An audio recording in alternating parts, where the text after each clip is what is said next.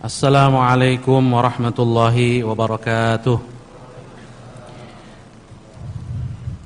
بسم الله والصلاة والسلام على رسول الله وعلى آله وأصحابه ومن تبعه ونصره وولاه أما بعد أعوذ بالله من الشيطان الرجيم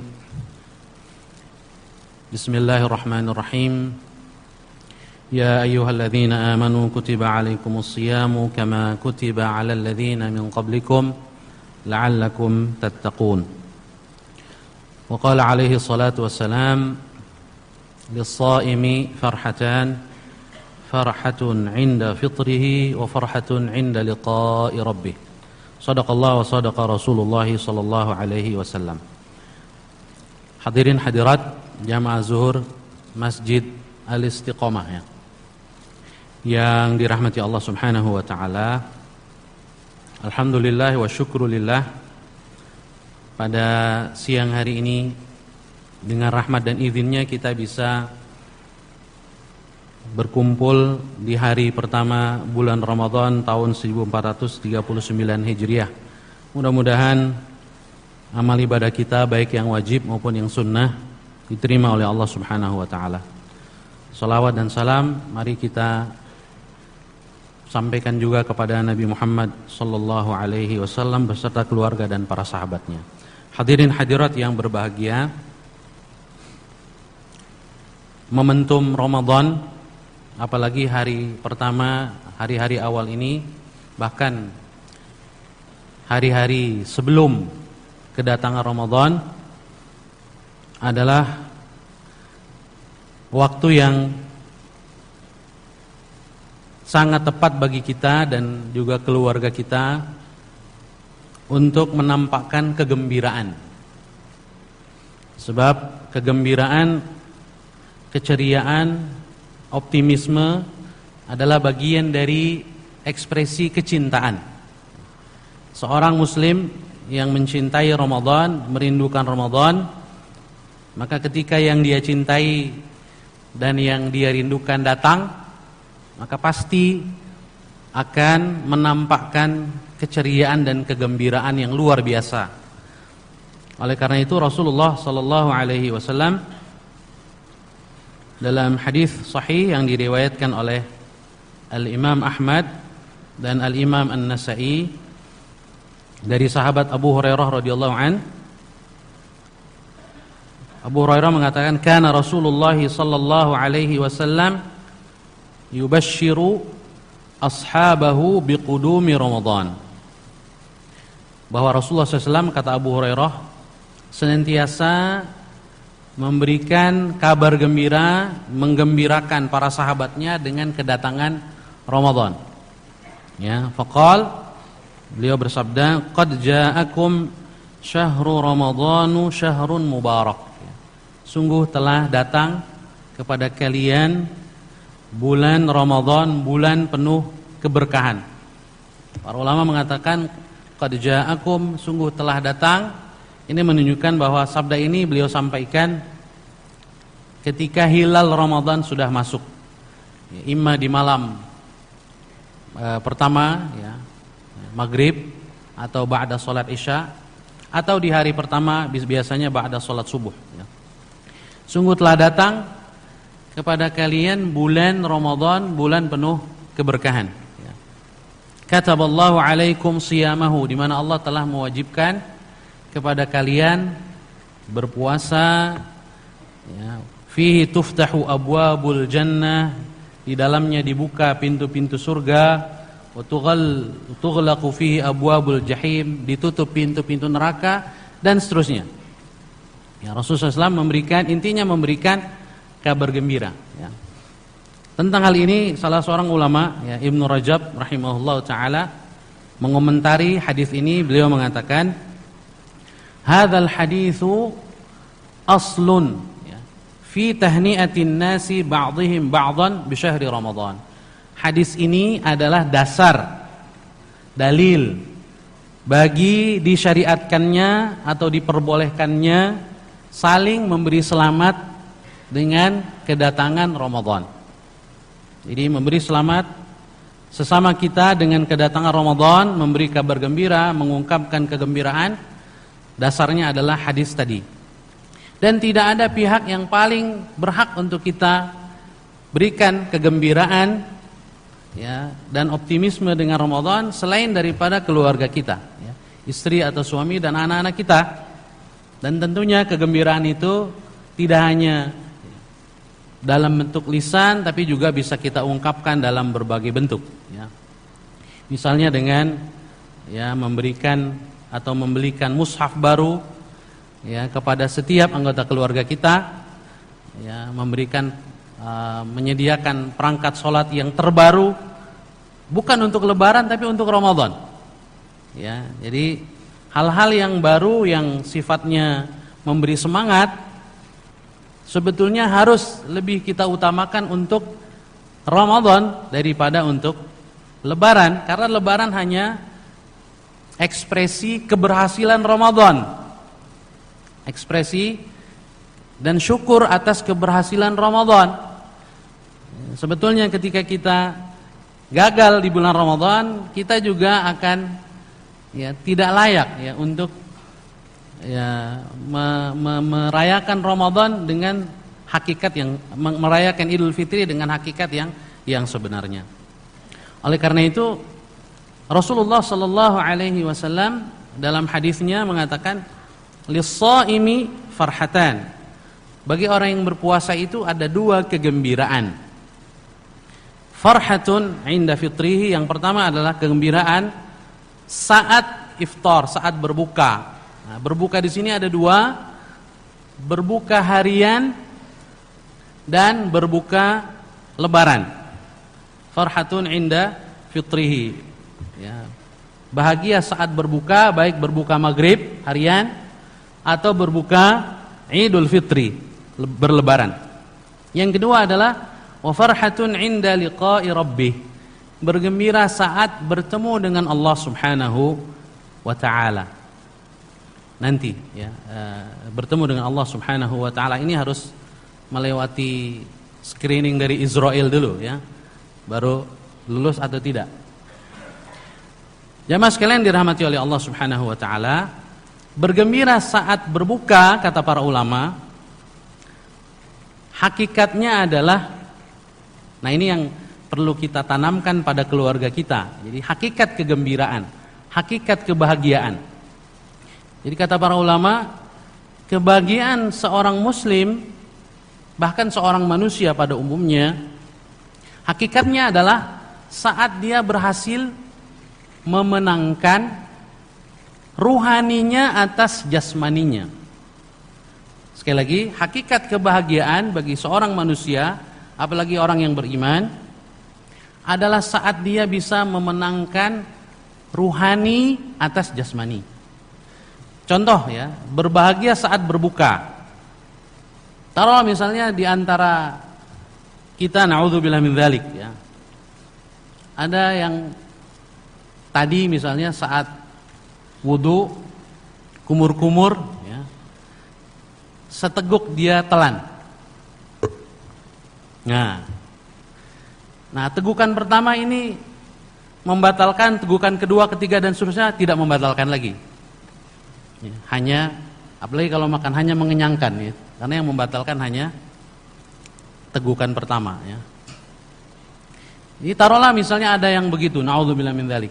Puasanya batal nggak kira-kira? Sengaja ya, bukan tidak sengaja. Batal ya. Karena minum dengan sengaja memasukkan air kalau melewati tenggorokan masuk ke bagian dalam tubuh dengan sengaja. Ini membatalkan. Taruhlah dia cuma seteguk minum, lalu nggak minum lagi, ya, nggak ada tegukan kedua, ketiga atau keempat, apalagi sampai suapan nasi. Ya. ya. Setelah itu dia tidak minum lagi sampai berbuka, waktu berbuka puasa. Ya, ya mungkin bekas basahnya mungkin dia lap dengan sapu tangan atau dengan tisu. Ya, jadi seteguk itu tidak menghilangkan haus, hanya sedikit saja mengurangi, juga tidak menghilangkan lapar. Setelah itu dia pura-pura berpuasa sampai iftar. Kira-kira, kira-kira saat dia bertemu keluarga, buka puasa bersama keluarga atau pura-pura buka puasa bersama keluarga atau bersama teman sejawat di kantor, kira-kira dia bergembira atau tidak? Ini bagi yang masih normal jiwanya dia tidak akan bergembira. Tidak akan mengalami kegembiraan saat Meskipun saat itu dia mungkin ketemu makanan favorit atau minuman favorit saat berbuka. Tapi dia tidak akan bergembira. Tidak akan merasa bahagia. Kenapa? Karena dia sadar dia telah mengkhianati kejujuran hati nuraninya. Ya, dia hanya menampakkan bahwa dia masih puasa, pada hakikatnya di sisi Allah dia tahu dia sudah tidak lagi berpuasa sudah batal puasanya. Maka tidak ada kegembiraan itu. Nah ini menunjukkan kata Rasulullah SAW bahwa hakikat farhah, kegembiraan, kebahagiaan saat berbuka adalah karena kita berhasil memenangkan rohani kita atas tuntutan jasmani. Memenangkan kejujuran, memenangkan perasaan menang, ya, berhasil menghadirkan terus perasaan diawasi oleh Allah Subhanahu wa taala. Ya, meskipun ketemu minuman favorit tadi, ini kan jasmani ya, minuman favorit, makanan favorit saat berbuka atau setelah sholat. Ini tuntutan jasmani, tapi itu hilang sudah hakikat kegembiraannya karena rohani kita telah kalah. Nah inilah jamaah sekalian dirahmati oleh Allah Subhanahu wa taala hakikat kebahagiaan yang mesti kita tanamkan pada diri kita dan anggota keluarga kita. Memenangkan rohani atas jasmani. Ya, dan sebetulnya ini adalah pertarungan yang harus kita menangkan, memenangkan rohani atas jasmani di sepanjang tahun. Di sepanjang tahun. Namun di bulan Ramadan ini kita di training secara intensif. Ya, selama sebulan penuh. Ada hal-hal yang halal di hadapan kita, makanan yang halal, minuman yang halal, pasangan atau istri atau suami yang halal, tetapi semua itu kita tahan, kita kalahkan demi memenangkan panggilan Allah Subhanahu wa taala, ya ayyuhalladzina amanu kutiba alaikumus.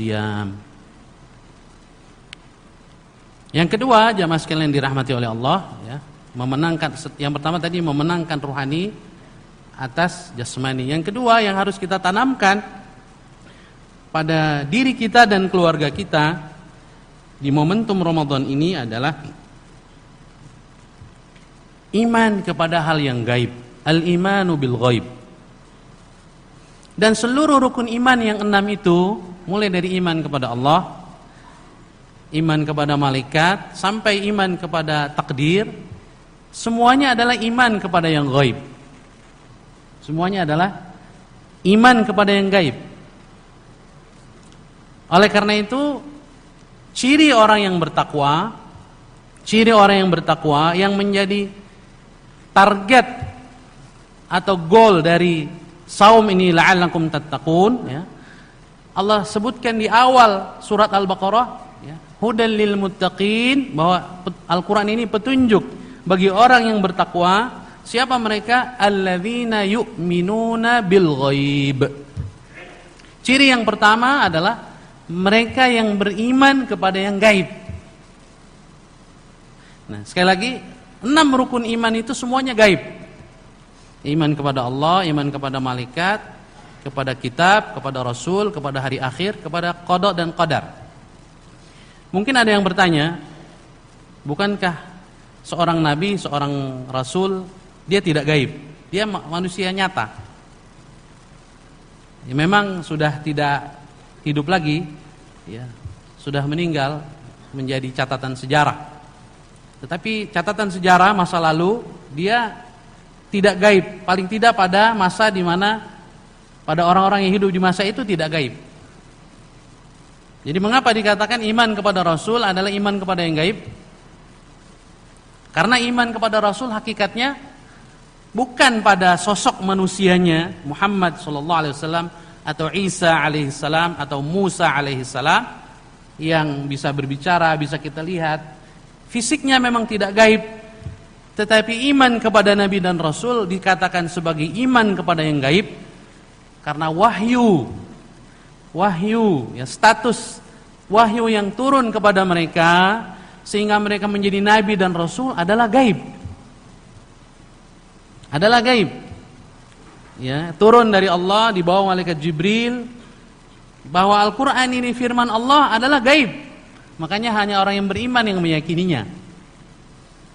Sehingga Muhammad menjadi rasul karena wahyu Al-Qur'an ini dia adalah gaib.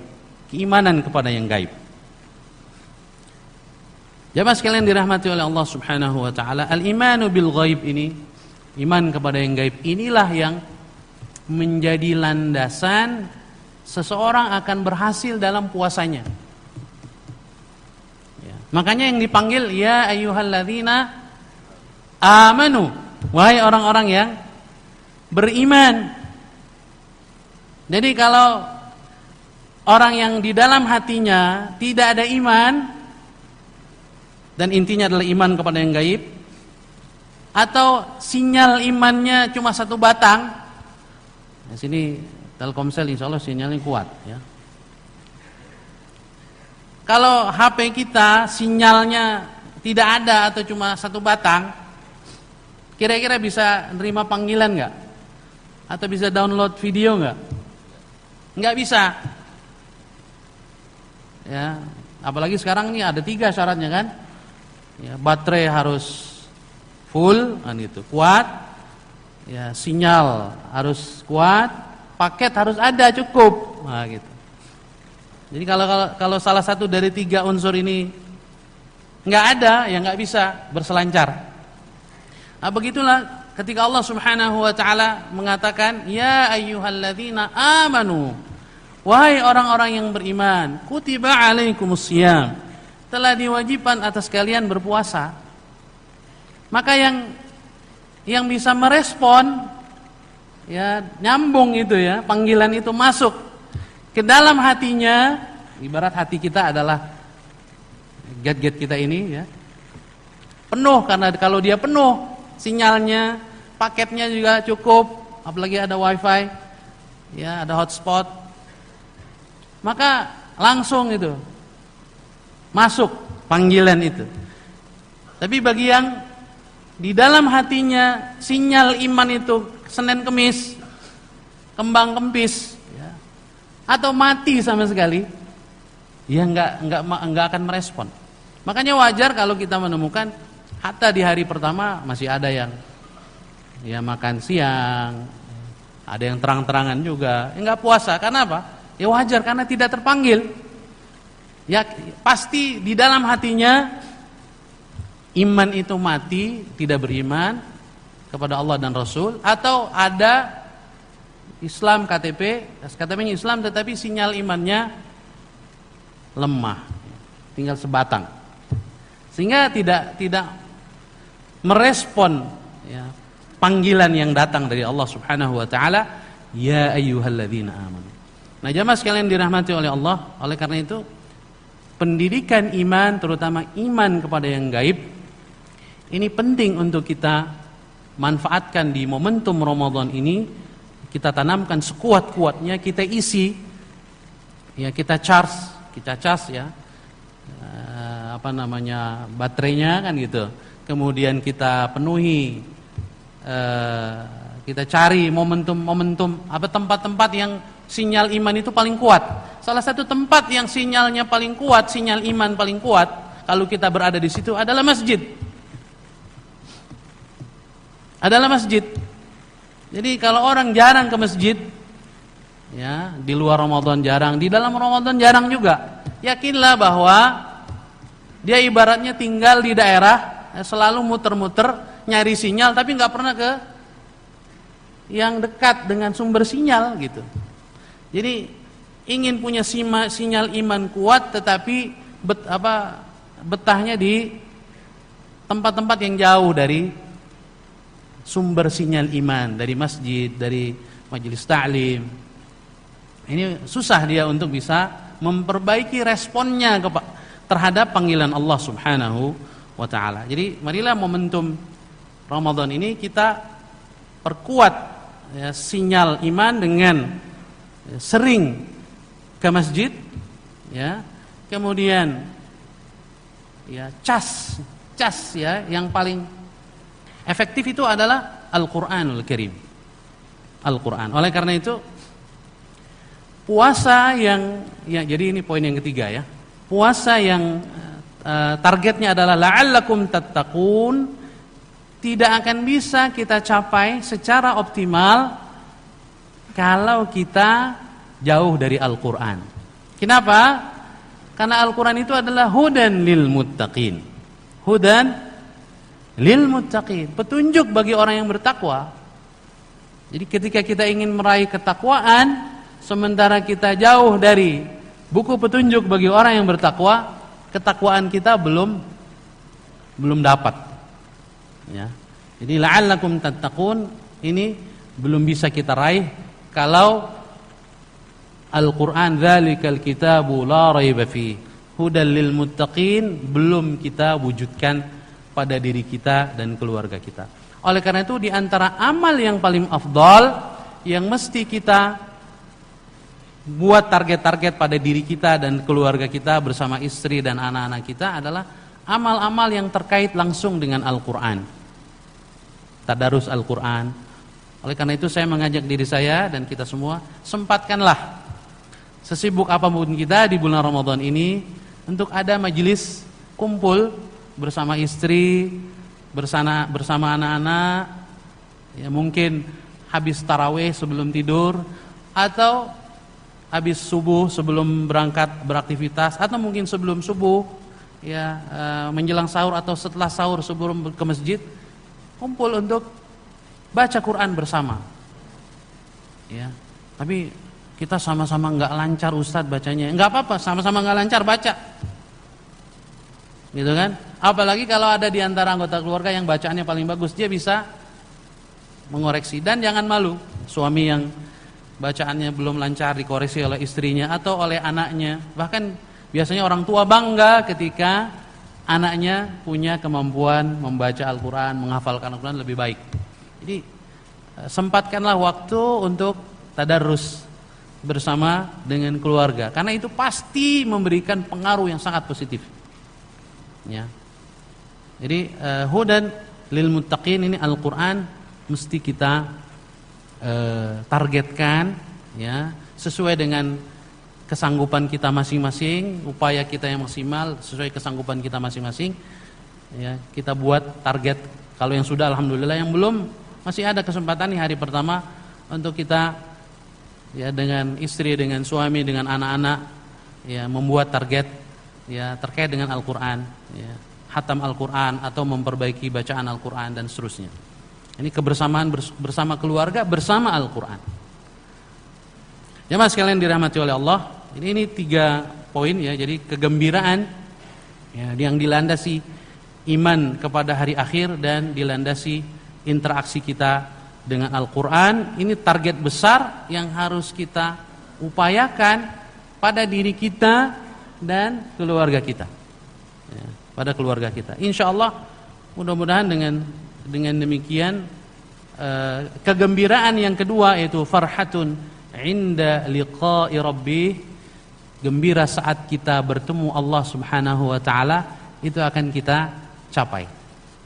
Begitu juga kegembiraan saat Idul Fitri hakikatnya adalah kegembiraan karena kita berhasil mengoptimalkan Ramadan. Sebab Ramadan hakikatnya hanyalah peluang. Jadi seluruh keutamaan Ramadan yang kita sudah sering dengar, pengampunan dosa, uh, Lailatul Qadar yang lebih baik daripada seribu bulan, semua itu hakikatnya hanyalah peluang yang hanya didapatkan oleh mereka yang mengambil peluang itu, mengoptimalkan peluang itu. Kalau yang melewatinya saja, ya menyia-nyiakannya nggak dapat. Oleh karena itu di dalam hadis Rasulullah SAW mengatakan raghima anfu rajulin. Ya. Jaa ramadan atau ata atahu ramadan thumma salakha falam yughfar lahu. Ya. Celaka buruklah ya seseorang yang datang Ramadan kemudian sampai sebulan penuh lalu pergi dosa-dosanya tidak diampuni. Jadi janji pengampunan dosa hanya bagi mereka yang mengoptimalkannya. Memanfaatkan peluang Ramadan. Jadi tidak otomatis. Jadi Ramadan ini kan dia waktu ya. Ya kalau nggak kita manfaatkan lewat begitu saja. Jadi rugi. Ya, kata Rasulullah SAW, orang yang datang Ramadan sampai kemudian pergi Ramadan, falam yughfar lahu dosa-dosanya tidak diampuni oleh Allah Subhanahu wa taala, cucuran rahmat Allah tidak ia peroleh dan janji dijauhkan dari api neraka tidak dia dapatkan. Nah, ini kenapa? Karena kita tidak mengoptimalkan ya, tidak memanfaatkan peluang Ramadan ya, dengan sebaik-baiknya dan keluarga adalah basic ya, base camp kita yang utama untuk kita bisa memanfaatkan Ramadan ini ya. Bisa jadi waktu-waktu kita banyak di kantor ya, tetapi tetap keluarga itu basic. Dan di kantor pun kita manfaatkan untuk ya, berkumpul bersama orang-orang yang soleh ya, dan mengurangi bahkan kalau bisa meniadakan hal-hal yang membuat ya kualitas puasa kita rusak atau apalagi sampai membatalkan puasa kita ya. Demikian mungkin eh, hal-hal uh, yang asasi yang menurut saya penting untuk kita tanamkan pada diri kita, pada keluarga kita dan momentum Ramadan ini adalah yang paling apa namanya peluangnya paling besar untuk kita menanamkan itu. Di bulan-bulan lain peluangnya ada tetapi lebih kecil. Kalau di bulan Ramadan ini saja kita tidak bisa meningkatkan, meningkatkannya, jangan harapkan atau sangat sulit kita harapkan di bulan lain kita bisa melakukannya. Ya, karena ini adalah musim taat, musim ketaatan, musim kebaikan di mana malaikat mengatakan dalam sebuah hadis, "Ya baghiyal khairi aqbil." Wahai para pencari kebaikan, datanglah berduyun-duyun Wa ya syarri aqsir. Wahai para perindu kejahatan, tahanlah dirimu. Wahai orang yang menginginkan berbuat jahat, tahanlah dirimu. Ya. Aksir. Ya. Nah orang yang pada saat Ramadan tidak termotivasi berbuat baik dan tidak berkurang nafsunya untuk berbuat jahat, ini adalah orang yang sejahat-jahat manusia. Sejahat-jahat makhluk ya di mana di dalam musim ketaatan, musim kasih sayang, musim pengampunan tidak tergerak hatinya untuk berbuat baik, meningkatkan kebaikan dan mengurangi kemaksiatan. Kita berlindung dari Allah, kepada Allah Subhanahu wa taala dari hal-hal seperti itu sebagaimana Rasul sabdakan man hurima khairaha faqad hurim. Barang siapa yang terhalang dari kebaikan Ramadan ini betul-betul dia orang yang terhalang dari seluruh kebaikan ya dari peluang-peluang kebaikan di bulan-bulan yang lain. Nauzubillah min dzalik. Demikian jamaah sekalian yang dirahmati oleh Allah Subhanahu wa taala yang bisa sampaikan, mudah-mudahan ada manfaatnya. Saya kembalikan ke Baik, uh...